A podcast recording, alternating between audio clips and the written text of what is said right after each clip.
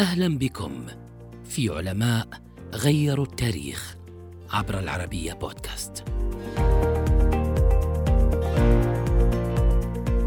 أبو الحسن علي بن نافع موسيقار مسلم يعرف باسم زرياب.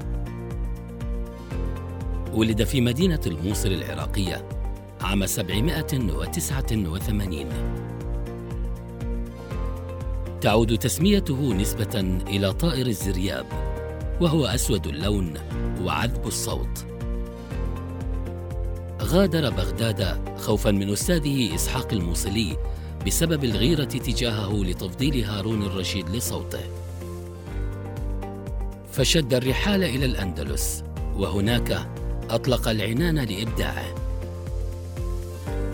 لاقى ترحيبا وحصل على امتيازات ورواتب سخية فور وصوله البلاد. كان موسيقار ومسؤول الترفيه بالبلاط الملكي في عهد عبد الرحمن الأوسط. أسس دار المدنيات وهو أول معهد لتعليم علوم الموسيقى والغناء وقواعدها. كان ملتحقو المدرسة يخضعون لاختبارات منهجية. شكلت أسس الغناء الأوبرالي. قدم انواعا من الرقص والغناء منها ما تطور إلى الفلامينغو.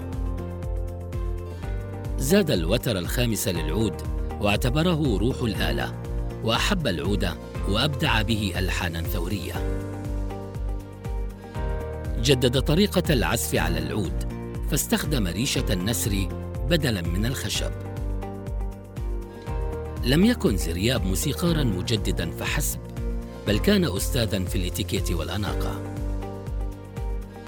وحدد المواسم التي تتغير فيها الموضة وشكل الأزياء.